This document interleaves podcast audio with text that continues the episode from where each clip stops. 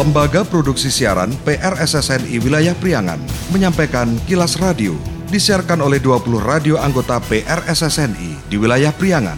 Kilas Radio edisi kali ini di antaranya mengenai longsor ancam pasokan air di Cilawu, Perumda Air Minum Tirta Intan Garut bekerja cepat, Kabupaten Tasikmalaya usulkan tiga exit tol Getaci. Inilah Kilas Radio selengkapnya bersama saya Ganang Parto.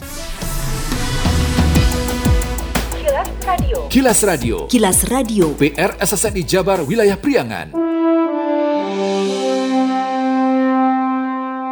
Saudara Camat Cilawu Anas Aula Malik melaporkan terjadinya longsor di Kampung Kadang Uncal, Desa Ngamplang, Kecamatan Cilawu, Kabupaten Garut, Kamis 26 Oktober malam. Anas didampingi tim BPBD, Perumda Air Minum Tirta Intan Garut, Kepala Desa Ngamplang dan PUPR ketika meninjau lokasi longsor Jumat 27 Oktober menyebut akibat longsor, tebing penahan sungai Cipeje sepanjang 25 meter rusak berat dan pipa distribusi air Perumda Air Minum Tirta Intan Garut putus. Longsor ini menimbulkan tebing penahan sungai yang terlewati arus dari Sungai Cipeje sekitar 25 meter total habis. Kalau ini tidak segera diantisipasi barangkali nanti kita menjelang musim hujan khawatir terjadi sesuatu.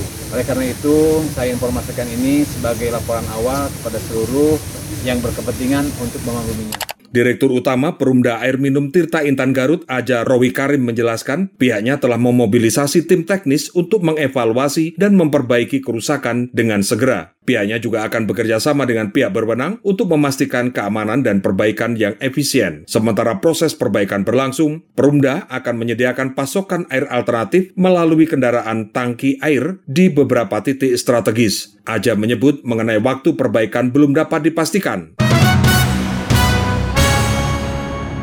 Wakil Bupati Cecep Nurul Yakin mengatakan pihaknya mengusulkan tiga exit tol di wilayah Kabupaten Tasikmalaya pada pembangunan jalan tol Gede Bage Tasikmalaya Cilacap atau tol Getaci. Cecep kepada awak media termasuk Andi ST Kilas Radio Kamis 26 Oktober menjelaskan, diketahui keputusan pembangunan tol Getaci yang semula dua trase atau rencana tapak jalur yang telah diketahui titik koordinatnya menjadi empat trase karena ada beberapa persoalan, yakni semula lelang sebelumnya satu konsorsium melalui Waskita, namun lantaran ada persoalan, ada lelang kedua. Akhirnya ada trase 4. Menurutnya, rencana detail tata ruang RDTR sesuai apa yang disampaikan melalui surat Bupati Tasikmalaya mengusulkan tiga exit tol, yakni di daerah sekitar Kecamatan Singaparna dan Cigalontang, kedua di daerah Kecamatan Padakembang, dan ketiga di Kecamatan Manonjaya serta Cineam yang mengarah ke Bendungan Lewi Keris. Ada permohonan tiga exit tol. Pertama di sekitar Singaparna Cigalontang,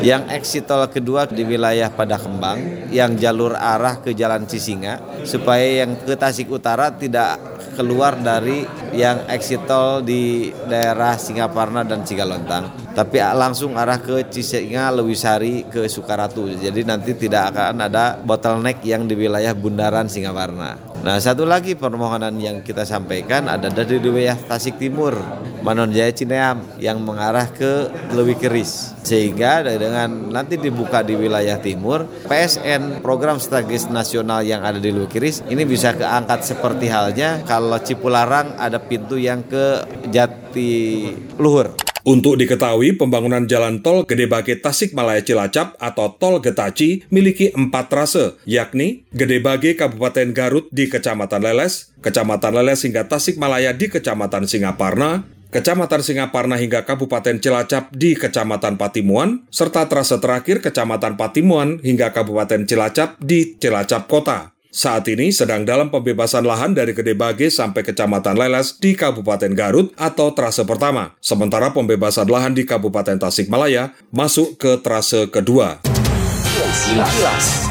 Radio. Kepala Operasi Nusantara Cooling System yang juga Wakil Kepala Bares Krim Polri, Inspektur Jenderal Asep Edi Suheri menyerahkan 1.500 paket sembako untuk masyarakat Kabupaten Tasikmalaya yang secara simbolis dilakukan di Mapores Tasikmalaya Jumat 27 Oktober. Edi berharap bantuan dapat membantu masyarakat yang membutuhkan. Menurutnya, bakti sosial dalam rangka Operasi Nusantara Cooling System akan berjalan di beberapa titik. Ia pun mengingatkan agar masyarakat Tasikmalaya bisa terus menjaga dan menjaga keamanan serta kenyamanan. kami menyampaikan pesan-pesan Kaptipmas pada masyarakat. Menjelang pemilu 2024 ini, antara TNI, Polri, dan masyarakat menciptakan suatu iklim yang kondusif agar perjalanan pelaksanaan pemilu 2024 dapat berjalan aman dan damai dan juga tidak terpecah belah, tidak ada perpecahan. Tujuan utama dari operasi Nusantara Sistem ini yaitu melaksanakan kegiatan preemptif, preventif, yang mana kegiatan tersebut bersama-sama masyarakat dalam menciptakan sesuatu yang, yang kondusif. Sehari sebelumnya, operasi Nusantara Cooling System digelar di Pondok Pesantren Miftahul Munawaroh, Penyingkiran Kabupaten Ciamis. Salah satu kegiatan operasi Nusantara Cooling System yakni membuat sumur bor, karena beberapa wilayah khususnya di Kabupaten Ciamis krisis air akibat kemarau panjang, serta memberikan santunan paket sembako untuk anak yatim dan kaum duafa. Diharapkan jangan membakar sampah sembarangan. Nah, ini telah terjadi kebakaran lahan ya membuang puntung rokok di area-area yang mudah terpicu untuk terjadi kebakaran. Mari cegah kebakaran, utamanya saat musim kemarau. Hindari membakar sampah di lahan kering, apalagi dekat kawasan hunian atau rumah. Jangan buang puntung rokok yang menyala di sembarang tempat. Matikan puntung rokok dan buang pada tempatnya. Cabut instalasi listrik yang tidak terpakai dan matikan kompor saat rumah tak berpenghuni. Hindari steker listrik yang bertumpuk. Jauhkan lilin, lampu minyak dari benda mudah terbakar. Segera laporkan ke pihak terkait jika terjadi kebakaran di lingkungan kita. Iklan layanan masyarakat ini dipersembahkan oleh Kilas Radio PRSSNI Jabar, Wilayah Priangan. Kilas, Kilas. Radio. Info Pemilu. Info Pemilu. Persembahan PRSSNI Jawa Barat. Jelang pemilu serentak 2024, Bawaslu Kota Banjar launching pesantren kawal pemilu 2024 yang diikuti 25 pondok pesantren di Kota Banjar Kamis 26 Oktober. Komisioner Bawaslu Kota Banjar Wahidan menyebut kegiatan sebagai ikhtiar Bawaslu Kota Banjar untuk menggerakkan semua komponen anak bangsa. Menurutnya, pesantren mampu menggerakkan masyarakat setempat untuk bersama-sama berpartisipasi dalam pengawasan pemilu. Wahidan berharap para pimpinan pondok pesantren di Kota Banjar dalam melakukan aktivitas syiarnya, ceramahnya, memberikan materi tentang pemilu 2024 agar berjalan sesuai dengan peraturan perundang-undangan yang berlaku, berjalan damai, jujur, adil, terbuka, dan mandiri. Wahidan menambahkan selain launching pesantren kawal pemilu 2024 sekaligus melakukan MOU dengan Forum Pondok Pesantren Penggerak Umat di Kota Banjar supaya pemilu ini berjalan damai, jujur, adil, terbuka dan mandiri. Kita mengundang ada 25 pondok pesantren seperti Banjar sekaligus kita melakukan satu MOU dengan forum pondok pesantren penggerak umat di Kota Banjar.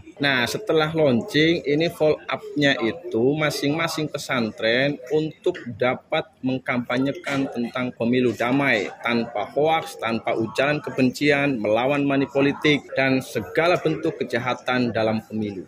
Kilas, kilas, kilas. Radio.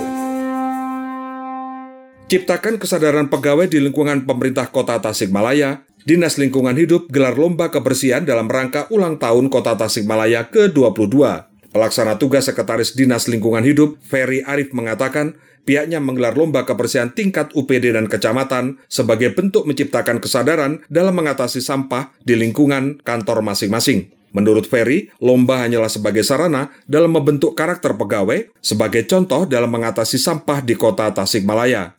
Ferry berpendapat, sebagai ASN di lingkungan pemerintahan harus memberikan contoh yang baik dalam penanganan sampah.